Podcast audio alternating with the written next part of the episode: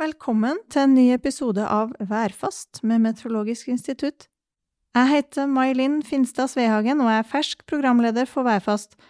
Og i dag så har vi to folkekjære TV-meteorologer i studio som det er en stor glede for meg å introdusere for dere. Vi skal ha værmelding. Vær så god.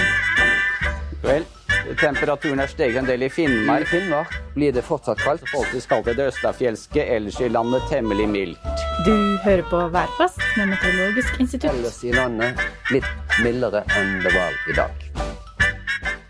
Utviklinga innen værvarsling har vært formidabel siden Kristen Gislefoss starta på Meteorologisk institutt. Fra håndtegna prognosekart og manuelle TV-kart til Yr og værvarsling på sosiale medier. Og i dag er vi i Værfast så heldige at vi har med oss Kristen Gislefoss. God morgen. God morgen, god morgen. Og siden vi skal snakke om utviklinga som har vært innen værvarsling, så er det òg naturlig at vi snakker litt om framtida. Så da har vi også med oss Kristian Gislefoss i studio. God morgen. Hei sann, god dag. To blad Gislefoss der, altså. Så da er det kanskje på sin plass å småsnakke litt om været òg, da, kanskje? Ja. Nei, det er jo litt typisk at folk småsnakker litt om eh, været. Og jeg har egentlig tenkt litt at folk kvier seg for å småsnakke om været med meteorologer, for det på en måte, da går man rett til kilden. Det er liksom enklere å si ja, det pleier å være sånn og sånn.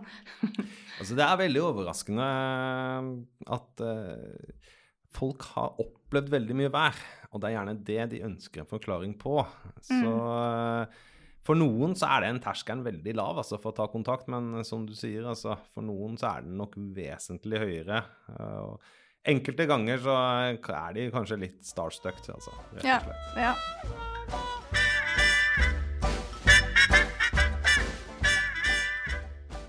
Ja, nå sitter vi jo på et av de gamle kontorene på Meteorologisk institutt, eh, som har eksistert i 155 år. Og du, Kristen, du har vært her i 41 av dem. Ja, 41,5 ble det sagt. 41,5, ja. Det er en lang karriere. Men eh, hva var det som gjorde at du fikk interesse for værvarsling? Nei, det har jeg alltid hatt. og til å begynne med så nådde jeg jo aldri opp til gradestokken, så da måtte jeg løftes. for Gradestokken var viktig, det. Ja. Om vi skulle kle seg godt eller ikke. Ja. Så eh, det begynte ganske tidlig. Jeg var ikke, ganske, var ikke veldig høy da. Nei. ja, og hvordan var det egentlig å jobbe på Meteorologisk institutt når du begynte der? Ja, nå var det jo Altså, jeg hadde jo tilbud om å starte i oljeindustrien samtidig. Mm. Og dette var jo litt vanskelig valg, så endte med at jeg måtte trekke lodd. Ja. Og så falt det ikke ut akkurat som jeg ønska det første gangen, så da trakk vi en gang til. Men eh, de første årene så jobba jeg ikke med værvarsling, da var det mer instrumenttesting i instrumentavdelinga. Ja. Men eh, det ble litt kjedsomt over tid å bare teste instrumentet, så jeg måtte ha litt mer action på det. Så etter to og et halvt år så gikk turen til, til Trondheim lufthavn. Ja, jeg har notert meg her at det var i 1980 du starta. Jeg starta i januar 81, 81? Ja. Ja. Mm. men uh, tilbudet og aksepten den fikk de i 1980. ja, det er jo det året du ble født òg, det. Ja, det stemmer det. Født i Bergen, Født i Bergen. så jeg har vært med på flyttelasset. Ja, Kristian flytta til Oslo i, i mars, i, ja, i mars uh, 81.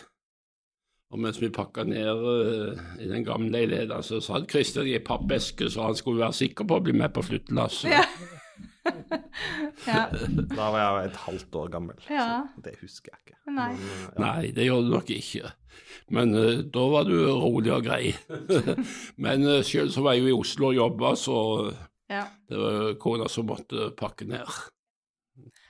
Og hvis du skal prøve å ta oss med på en tidsreise til hvordan selve arbeidshverdagen så ut da, som meteorolog når du hadde starta? Ja, når jeg starta, så var det jo instrumentavdelinga. Der var det jo testa instrumentet, eh, å finne normal og alt den type ting. Men eh, som sagt så ble det for kjedelig, så gikk jo turen til, til Værnes. Og det var I starten så var det jo før AFTN-systemet kom. Men når det kom, så fikk vi jo en, en PC å skrive på, men det var bare å skrive på. Det var ikke noe avanserte greier, men det var til å skrive på. Så der ble varslene skrevet inn, og der ble observasjonene ble skrevet inn og sendt. Men uh, akkurat når jeg starta jeg hadde jo noen år på Flesland som, eh, som assistent eh, under studietida, og da var det fjernskrivere som dominerte, så Ja. Det kom inn på fjernskriver, sendte varslene på fjernskriver, og eh, alle observasjonene kom via fjernskriver, så du måtte håndplotte kartene. Mm. Det har jeg jo sett en video av hvordan man, eh, man gjorde. Det, det ser jo litt eh, spennende ut og veldig arbeidsomt ut. Ja, det, det var arbeidsomt, men jeg hadde jo en veldig god oppleser, opplæring av Jan Mostrøm i sin tid på Flesland. og eh, Han var jo kjent for ikke å legge på for mange observasjoner. Mm. Jeg skal ikke påstå at jeg var veldig flink til å plotte. Det, det var lesbart, men det var vel så som så. Har du, Kristian, prøvd noe sånt? Nei, Nei. det er lov å si heldigvis ikke. Nei. Ikke kan jeg tegne, og skriften er det så som så med. Så det tror jeg ikke hadde blitt lesbart. Er det andre, andre ting, Kristen, som dere gjorde når du starta, som kanskje Kristian ikke aner hva er, fordi at utviklinga har vært så Ja, altså øh, På Værnes så, så fikk vi jo alt Det var jo håndplotting av kart og den type ting. og øh, Du måtte skrive varsler for hånd og så på fjernskriver inntil AFT-en kom. Uh, når jeg kom til Blindern i 89 etter et kort opphold på Fornebu først, på et halvår.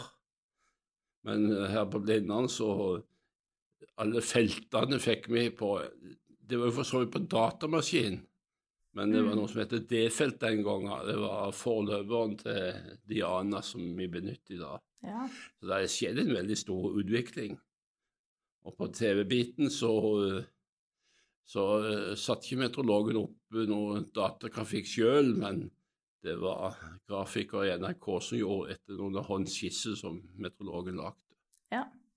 Og eh, du kunne ikke eh, klikke fram kart og sånn, sånn sjøl. Det måtte det, det andre gjøre. Så du hadde ikke kontroll på den biten der. Nei. Nei, jeg mener jo på en måte at jeg husker å ha sett hvordan det var med de gamle værsymbolene som datt av og sånn i NRK, men jeg, jeg tror egentlig jeg husker den eh, sketsjen til Trond-Viggo. Jeg tror egentlig ikke jeg husker helt hvordan det var, men hvordan, hvordan var det å, begynne når du begynte i NRK? Ja, det, det var jo altså jeg, jeg kom etter de hadde benytta værtrommelen. Ja. Så jeg kom inn i den tida som eh, der meteorologen satt på sida av programlederen og, eh, og forkynte værmeldinger og, og så bare værmeldinger på en skjerm og kommenterte. Det var Mm. ganske kort i, i bildet før de klipte det ut og bare viste eh, kartene. Ja. Men eh, etter noen år så gikk vi over til, til ja, først en sånn grønn filtvegg, og så en blå filtvegg deretter. Og det, der så du ingen kart, så du måtte se deg sjøl både i kamera og der så du kartene. Og så måtte du peke på den der eh, blå eller grønne skjermen, filtveggen. Ja. Og eh, hvis du hadde problemer med høyre-venstre-koordinere, så, så gikk det galt. ja. Og eh, det holdt vi på med en god del år før vi tok et eh, nytt system i bruk, der du kunne ha en sånn tredimensjonal flytur. Det var et nokså avansert program som NRK kjøpte i USA. Og meteorologen kunne ikke håndtere det sjøl, men det var grafikere som gjorde det. Men eh, etter noen år eh, med det bruket, så gikk de over til nåværende system, Hmm. som meteorologen da opererte sjøl. Ja. Og det er jo helgrafisk. Ja. Mm. Og i dag har du ikke noe eh, filtvegg som du må forholde deg til, men du ser bildet i, i skjermen, faktisk. Ja.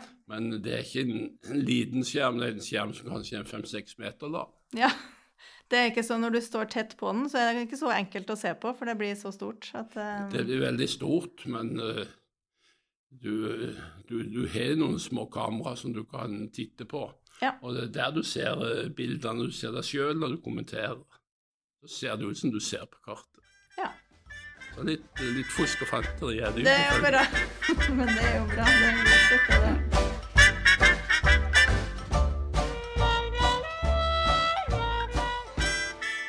Hva er det du syns har vært mest utfordrende å jobbe med på alle de her årene?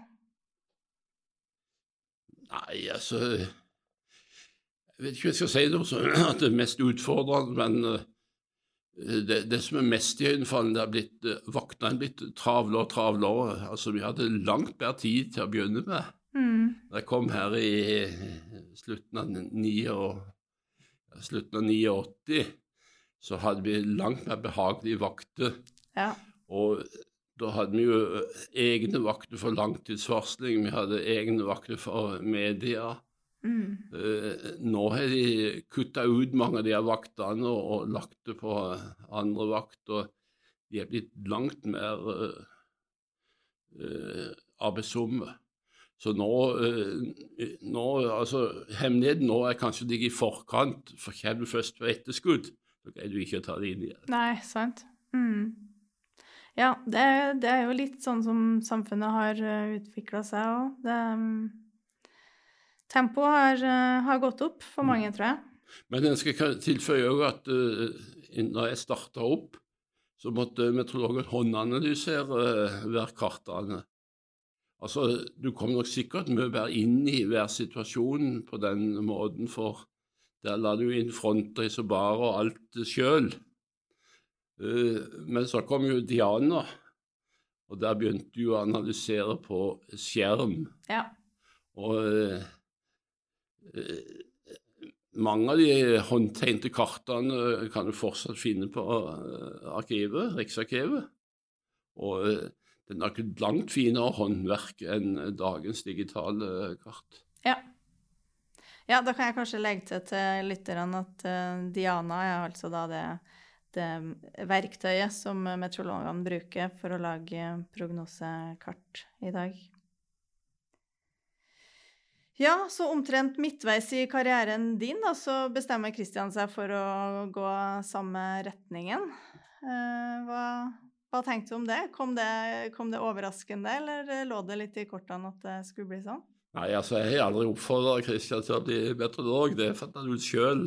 Ja. Han begynte med isbrev, men eh, det gikk litt sakte. Ja. Måtte ha noe som skjedde litt raskere. Men Ja. eh, du kan si allerede den tida jeg var i Stjørdalen, så, så var jo Kristian i, barnehagen. Mm. Så eh, de visste jo aldri at det hadde gått så mange fly fra verden som det gjorde når Kristian var der. for Han, ga beskjed om da alle fly gikk. Ja. Og så eh, ville han gjerne være med på jobb på lørdagen. Men eh, det var ikke for å se på flyene, det var for å få softis. Aha. Så var det å ta bilde av hånda på, på kopimaskinen. Det var, det var stas. Ja, det der husker jeg fra sånn Å ha vært på sånn kontor, jeg òg. Få lov til å bruke litt sånn utstyr er jo alltid, alltid spennende. ja, eh, husker du sjøl da hvor gammel du var når du på en måte fikk ditt første møte med instituttet? Jeg husker i hvert fall at jeg var med på jobb i uh, Stjørdal, Ja. på Værnes. Eh, det gjør jeg, men første gang i Oslo, den er verre. Det husker, Mm. Altså, jeg husker jo Jeg hadde jo blant annet arbeidsuke her Ja. når jeg gikk på uh, ungdomsskolen, var det vel? Det husker jeg. Men uh, noe tidligere enn det, det spørs, altså. Det er liksom ikke så mye som har brent seg fast. Altså, jeg, det, jeg husker jo faktisk eh, at jeg møtte sånn som Vidar Theisen, mm. han jobbet her. Han var veldig opptatt av at jeg ikke måtte røre kartene hans. Ja, OK. Ja. Det var, De var det, det var det eneste jeg fikk beskjed om, ellers var alt greit. Ja.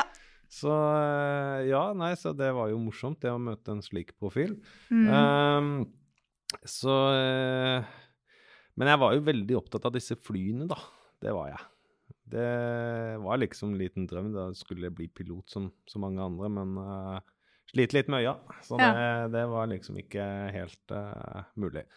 Så Nei, så var det disse isbreene. Jeg begynte å studere på Blindern.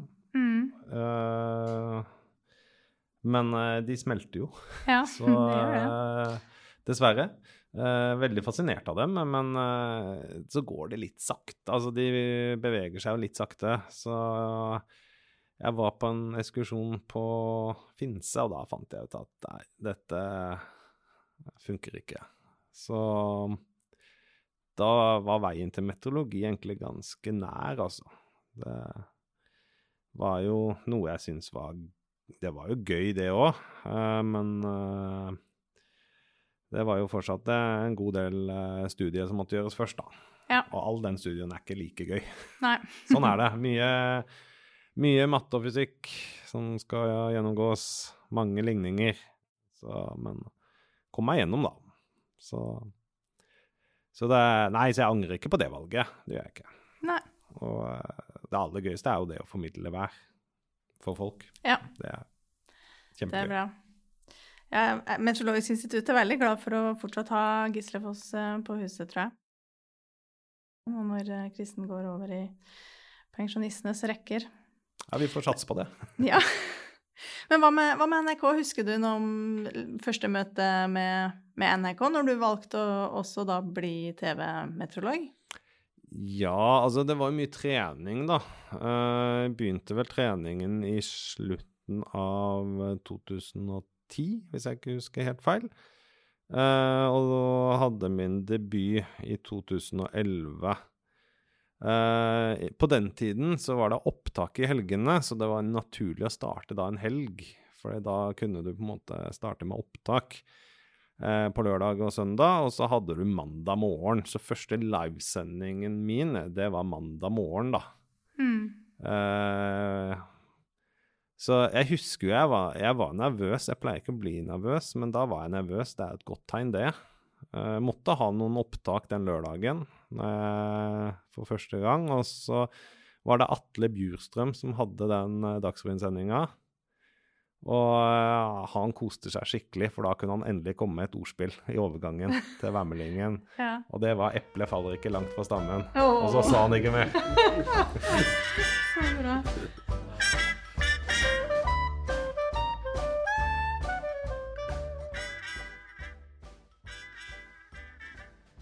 Jeg kan jo føye til det at Kristian Christian hadde jo vært med i NRK eh, forut. For eh, i de første årene som jeg var meteorolog, så, så var jeg iallfall med på under sendinga. Han satt i studio under sendingene, men han hadde beskjed om å holde kjeft. Ja. Veldig enkel beskjed. ja. Ja da. ja, men det, det følger kanskje med litt ekstra forventninger?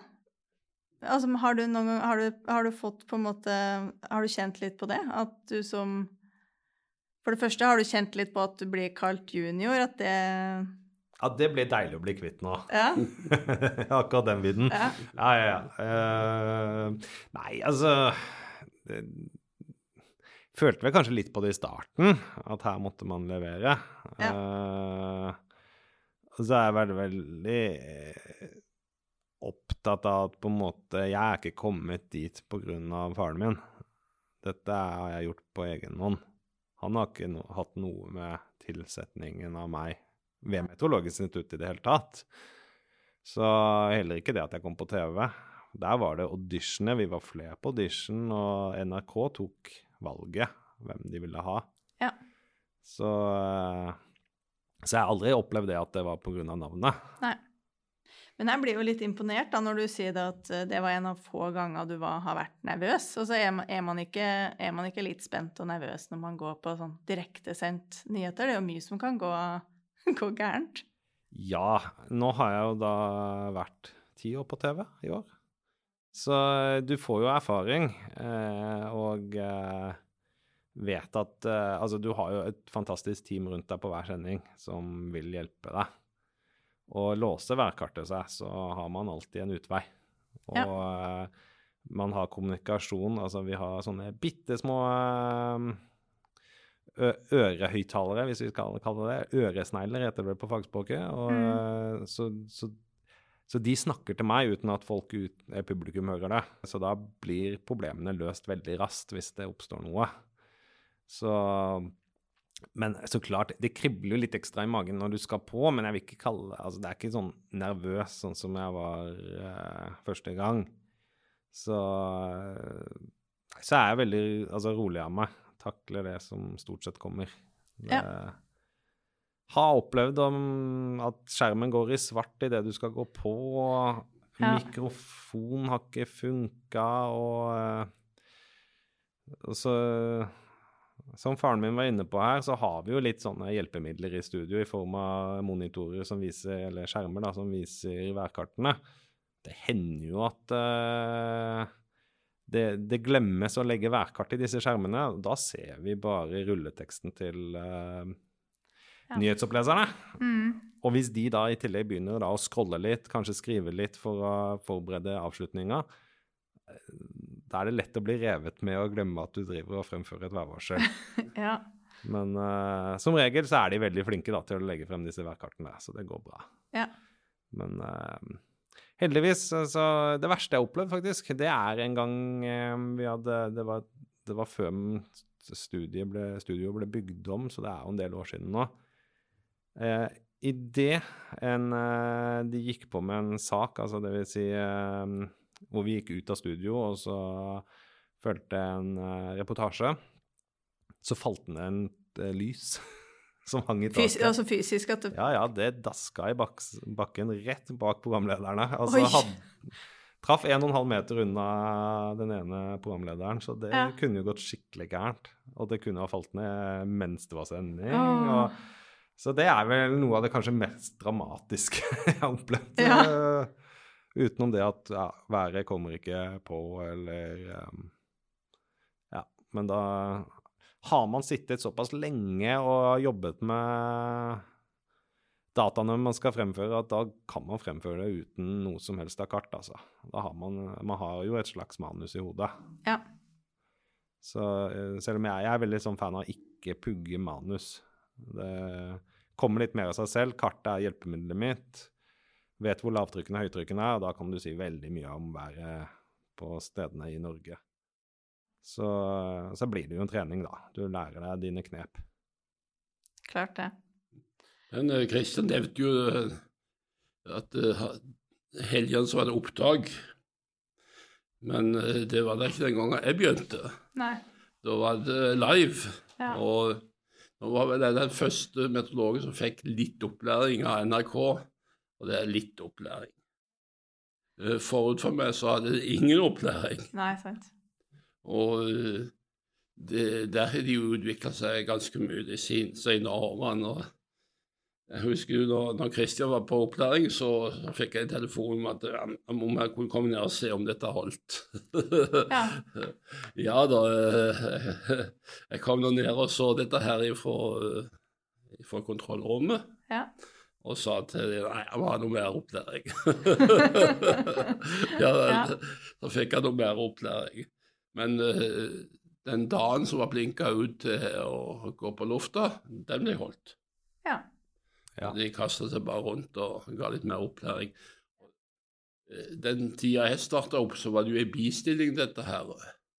Så det var noe du gjorde på fritida di. Ja, det var det. Men etter at NRK begynte med både formiddag- og ettermiddagssendinger, så, så kunne de ikke gå lenger som en bistilling. Så det var noe av det beste som skjedde, at uh, det kunne bli en del av arbeidstida di. Ja. For du, du først 100% stilling her, og så fikk du minst 50 stilling til NRK. Så Ja. det, det, det, det, ble for mye.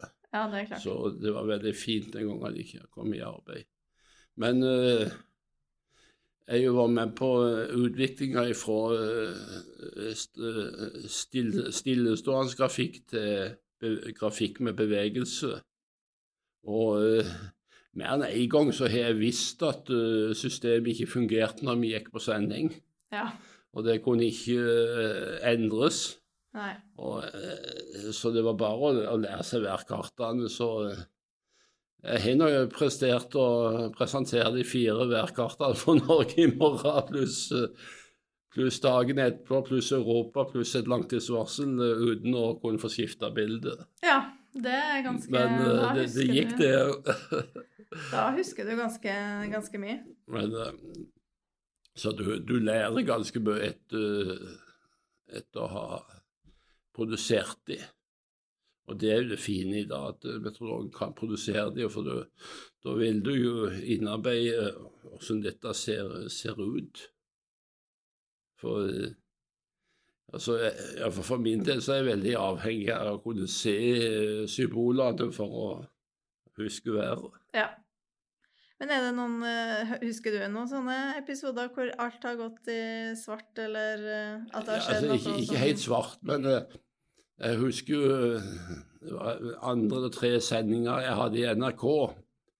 Og da, da sto meteorologen på en, på en egen plass. Og der måtte eh, teknikerne senke ned en mikrofon over hodet på det for, når det var meteorologen sitt tur. Ja. Og dette hadde de glemt, ja. så det var ikke mikrofon på meg. Nei. Og eh, den gangen så var studio sånn at de hadde sånn en balkong i, si, i annen etasje som de kunne gå rundt i, i studio. Og teknikerne de, de skjønte jo hvorfor ikke det var lyd. og de, de skjønte jo at de hadde glemt å tatt ut uh, mikrofonen. Så den hadde de båndet i rekka på denne her uh, balkongen.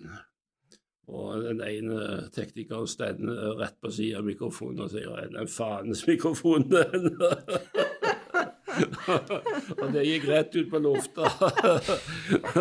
For det at den var jo åpna opp den og skulle formidle meteorologen. Så det gikk rett på lufta. Men de fant den og fikk den lirka den ut av hodet på meg. Så det, det ble værmelding den dagen òg. Ja. Men det ble litt dårlig lyd i starten. Men er det en av klippene som ble vist når det var sånn kavalkade? Jeg vet, Nei, jeg tror, jeg, sånn- den tror jeg ikke ble vist. jeg, jeg syns ofte det, det er morsomt å se på litt sånne små tabber som skjer i, i Dagsrevy-studio.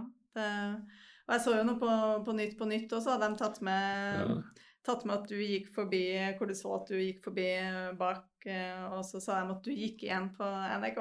Ja. Det syns jeg var, Men det um, var morsomt.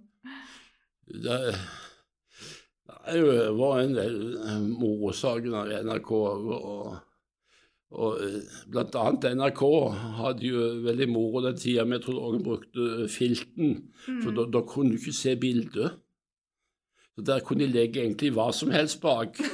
Og de, de la uh, Mørart bak der og benytta dette på julebord. Å ja! skjønner. Og blant annet eh, Mm. Jens Sunde var utsatt for den biten der. OK. Ja. Og da hadde de en fin dame bak, og når han pekte på strategiske punkt med høytrykk og lavtrykk, så, så hadde de det veldig moro. ja. Det Men, kan jeg eh, tenke meg. Men eh, i dag så går jo ikke det når du ser, ser jo kartet i, i skjermen. Ja. Men når du brukte den der filtveggen, så kunne du ikke se bak. For de kunne legge kartet i, i kameraet, der så du deg sjøl og, og pekte, men Ja. bak så hadde de noe helt annet. Å, så bra. Ja, det, det, hadde, det hadde vært noe å sett. ja da, det, Det fins vel men sikkert det, det, noen sånn eh, Ja, det, det fins sikkert, men arkiv. men det var, det var for julebord.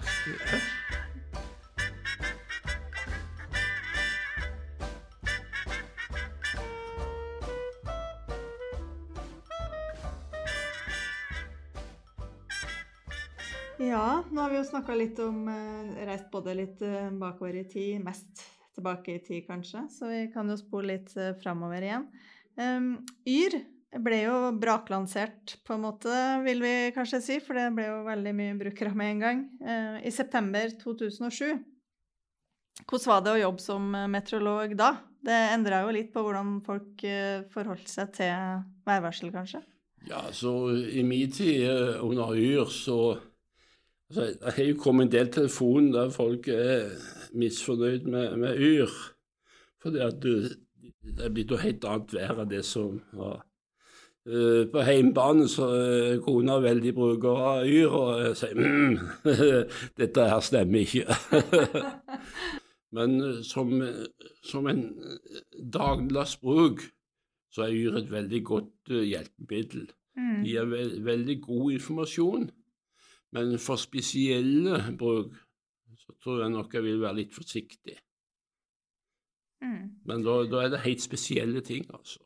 Ja. Hvis du eh, skal utføre et arbeid og er avhengig av nedbør, torden eller den type ting, så vil jeg nok få litt eh, mer bak bakgrunnsinformasjon. Ja. Men til daglig bruk så er Yr helt OK. Mm. Og du, du Kristian, har jo jobba litt med å utvikle Yr. Ja da, vi, har, vi meteorologer har blitt tatt med i utviklingen av Yr. Det er kjempebra. Så eh, vi Det utvikles stadig, kan vi vel si. Mm. Og vi jobber med å forbedre dataene for å unngå at det blir feil, da. Men så klart, enkelte dager så blir det jo feil. Sånn er det bare. Vi er ikke 100% rett. Det er ingen værvarsler. Nei. Så eh, Men eh, vi strekker oss alltid mot å prøve å nå 100 så klart. Så det er utvikling på gang, og det kommer stadig nye forbedringer, altså. Så jeg kan sterkt anbefale å bruke Yr, altså. Ja, men det er jo bra. Er det noe, er det noe du kan avsløre, noe som er på, på trappene, som, som det jobbes med?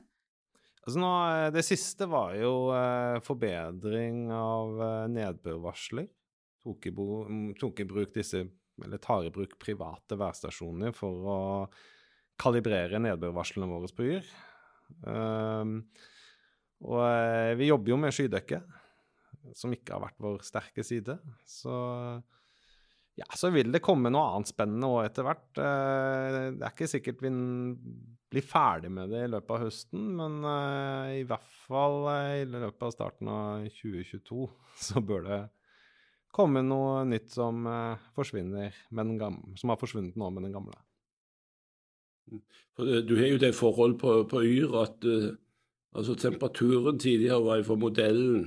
Uh, der har de i ti år brukt uh, private målsteder Mm. og, og korrigert i temperaturen. og det er jo, altså, Hvis du ser på henvendelsene fra publikum, så de falt betraktelig etter det ble gjort, for der er Yr blitt mye, mye bedre. Mm. Så veldig mye av klagene i, i, i sommer har gått på at det er blitt skyet, mens Yr har gitt i ren sol. Ja. Og, eh, det, men det skyldes at modellen er litt for tørr. Så hadde du kunnet eh, Den dagen de kommer til det, mulighet for å korrigere for akkurat den biten der, så, så blir Yr langt bedre. og Da vil jeg jo tippe at veldig mye av klagene faller vekk. ja. Og klager blir det jo når det er utrolig mange eh, brukere, selvfølgelig. Det, da får man både skryt og man får eh, klager. Sånn, eh, sånn er det. Det som er sikkert, er at værvarsling og alle vi som jobber med formidling av vær og klima, vi må se framover. Og framtida, den ser i hvert fall ut til å by på masse vær. Og nå har jo du nettopp hatt eh, klimavarsel eller værvarsel for 2050, Kristian. Har du noe å hente fram fra det? Det var, det var veldig spennende å jobbe med det. Lærerikt og skremmende. Og eh, som eh, det ble sagt her fra klima, han ene klimaforskeren som var med, at eh, dette er jo faktisk været til barnebarna våre vi Mm. sitter og ser på. I uh, 2050 så vil jeg da være 70 år gammel. Kanskje har jeg barnebarn, og det er jo fremtiden deres uh, vi ser på. Og jeg syns det er litt skremmende å se at uh, i løpet av eh, ja, litt under 30, 30 år så vil vi eh, nå 40, kunne nå 40 grader i eh, Norge. Det, det er varmt. For dem som har vært i Syden, så vet man jo at det er varmt. Noen liker det, men jeg tror de fleste syns det er litt i varmeste laget. Ja. Og, eh, nei, så Det har vært en kjempespennende prosess. og Det har jo vært mange tilbakemeldinger, det regnet vi med. Mange med tommel opp, og mange som ikke er helt enig i denne fremstillingen. Men sånn er det alltid. og Klimaet engasjerer, og det er egentlig veldig bra. ja. Enig. Og du sa jo da barn og barnebarn. Tror du at det kan bli en tredje generasjon Gislefoss? Er det Ja, Det spørs. Ja. Vi får se, vi får se. Nei, de skal få ta sine helt egne valg. Ja. Så, så eh, akkurat nå så er det hun minste som er mest interessert, som eh, forteller når vi går til barnehagen i dag, eh, så sier hun 'Pappa, i dag blir det regn'. Ja, er du sikker på det? Ja. ja. Så, så vi får se, da. Så hun er litt opptatt av uh, vær og vind for tida. Men uh, det kan jo fort endre seg, det. Ja. Hun er bare fem år gammel. Ja, ikke sant. Spennende. Og så er det en ting som vi pleier å spørre alle gjestene våre om. Eh, Podkasten heter jo Værfast med Meteorologisk institutt. Kanskje et dumt spørsmål å spørre en meteorolog, men har dere vært værfast noen gang? Ikke over eh, flere dager, men eh, i noen timer. Ja, uh, I den forstand venta på kolonnekjøring. ja ikke sant. Ja. Men uh, nei, utover det så vet du, vi har jo full kontroll på dette været. Så, uh, så jeg går inn og sjekker litt mer bakgrunnsinfo enn det folk flest får tak i. Så, Det vil jeg tro. så vet vi om det lønner seg å dra på hytta eller ikke, eller om du kan kjøre bil den dagen. Så Nei, så det er ikke ofte jeg har vært værfast, altså. Nei. Det er ikke det. Enn du, Kristen? Nei, jeg er ikke jo direkte værfast, men uh, jeg husker jo situasjonen langt tilbake i tid. Uh, først nyttårsdag, da blåste det snøstorm på, på Sørlandet. Og da ble alt av vei eh, stengt, og, men når det ga seg seint, seint på kvelden, så, så ble det jo åpna igjen. Til og med strømmen gikk, så jeg mista nyttårshopprennet. Å ja, uff da.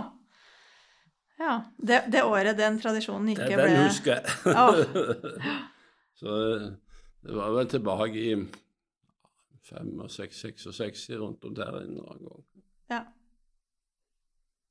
Ja, apropos hopprenn. Dere har jo vært med på en del idrettsarrangement eh, begge to. Er det noen noe minner derifra dere har lyst til å trekke fram? Ja, til altså den første tida så, så, så var jo meteorologen til stede for å gi et råd. Men eh, ja, de, de hørte jo meteorologen sa, men de tok jo beslutninger sjøl. Men eh, etter hvert så fikk de jo mer og mer respekt for meteorologen, så hvis meteorologen sa at dette ikke var svarlig, så var det avlyst.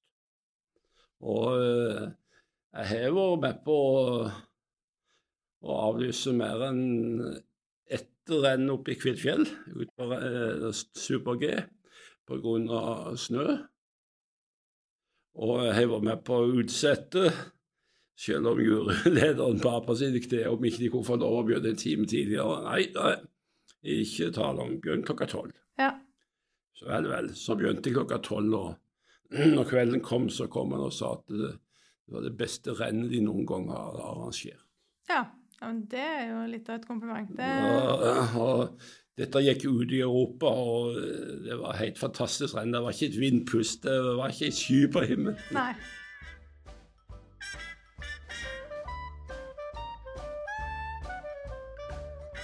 Enn du, Kristian? Ja, jeg har jobbet mest med skiskyting og hopp, jeg, da. Så det var jo VM i skiskyting i Oslo for noen år siden.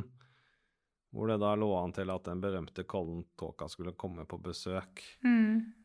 Og ja, på råd fra oss meteorologer så valgte de å fremskyve dette VM-rennet. Altså her snakker vi TV-tid, millioner av kroner, og ikke minst publikum. For det, det skulle være ettermiddag kveldsrenn, dette her, og så skulle de plutselig ha det midt på dagen. Så, men likevel, de hørte på oss, fremskjøv rennet. Rennet ble gjennomført, tåka la seg. Ja. Så en riktig avgjørelse. ja. Jeg husker jo egentlig, for det var vel det samme mesterskapet, tenker jeg, og de skulle ha trening, og da, da lå jo tåka. De, de så ikke blinkene, og de ringte jo og spurte og de kan vi begynne å trene. Ja, vi kan begynne klokka tolv. Da ringte de et kvart på tolv. Nei, her var det ingen bedring. Og tikka vi begynner? Ja, vi kan begynne klokka tolv. Og klokka ble tolv, så var det klart. ja. så den var, vi, den var vi heldige med. Ja. Da er det på minuttet. Det... Og eh, jeg, jeg husker jo noen oppe i Vikersund. Dette er første gang jeg var i Vikersund, i skiflyvninga. Det var, det var første gang altså, når, når jeg kom opp, så, så blåste det kulingstyrke. Det var, ikke- det var ikke mulig å hoppe i bakken. Nei. Og det første spørsmålet var fra de og, når kan vi hoppe? Ja, du kan hoppe klokka fem. Ja vel, alle fikk beskjed om at de skal starte klokka fem.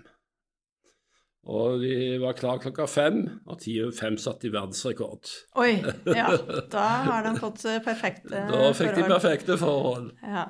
For det, det er mange ganger sånn at uh, er, det, er det vanskelige forhold, så skal de vente solnedgang. Da stabiliserer det seg. Ja. Ja, nå har vi jo snakka litt eh, rundt uh, forskjellige ting, men kanskje ikke så spesifikt om forskjellige typer vær. Så jeg, jeg tenkte sånn på tampen og spør, har dere noe favorittvær? Altså, jeg er jo veldig glad i vinteren, jeg. Ja. Hvis jeg kan finne fram skiene, men, men alle årstider har jo sin sjarm. Så når vinteren har vart lenge nok, så er det, så, så er det nok.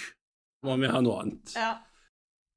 Så eh, de der fire årstidene vi er tydelig prega her i Norge, de er fine, selv om våren de siste årene er blitt veldig kort. ja, det har kanskje flere opplevd, at eh, de syns at det blir brått sommer. Ja. Ja, da lauvet springer ut i slutten av april. Tidligere så var det så vidt det var grønt til 17. mai. Mm. Mm, Min favoritt er jo Lyn og torden, da. Er, Ja. Ja, ja. Når jeg var liten, så var jeg redd for det, men nå eh, skjønte opplegget. Da var det, var det ikke så farlig likevel. Nei, du overvant Med, eh, med respekt, så klart. Men ja. uh, så er jeg veldig glad i sånne sånn ekstremvær, uh, tropiske orkaner og Hadde vært sabla gøy å få lov å fly gjennom en tropisk orkan en gang. Fly ja. Ja, ja, ja. Amerikanerne gjør det, vet du. Eh, de har daglige flyvninger eh, ut for å jakte disse tropiske Storm, orkanene. eh, storm Chaser. Ja, ja, ja. Og så de er ute og Så gjør du målinger. Altså, det rister jo helt vilt, men uh, de vet hva de driver med. Så det hadde vært en kjempegøy opplevelse. Og så sette en tornado på avstand, da, så klart. Ja. Ikke på nært hold. Nei. Det tror jeg hadde blitt litt, uh, litt farlig. Men eh, Ja, jeg tenker jo mer at jeg ville helst vært på bakken og sett det. Eh, fly hørtes litt skummelt ut. Men eh, ja. Ja, nei, det er noe det. Jeg elsker berg-og-dal-bane, vet du, så da Ja. Da hadde det vært en kjempestor berg-og-dal-bane, for å si det sånn. Men eh, Nei, så er jeg veldig fascinert av ekstremvær, da. Så Og da er det jo også gøy, hva skal vi si Kanskje litt farlig å si gøy å jobbe, men det, da skjer det noe Da skjer det masse, og da er det armer og bein og Så da er det Det er litt mer action på jobb. Ja. Og det, jeg liker action. ja.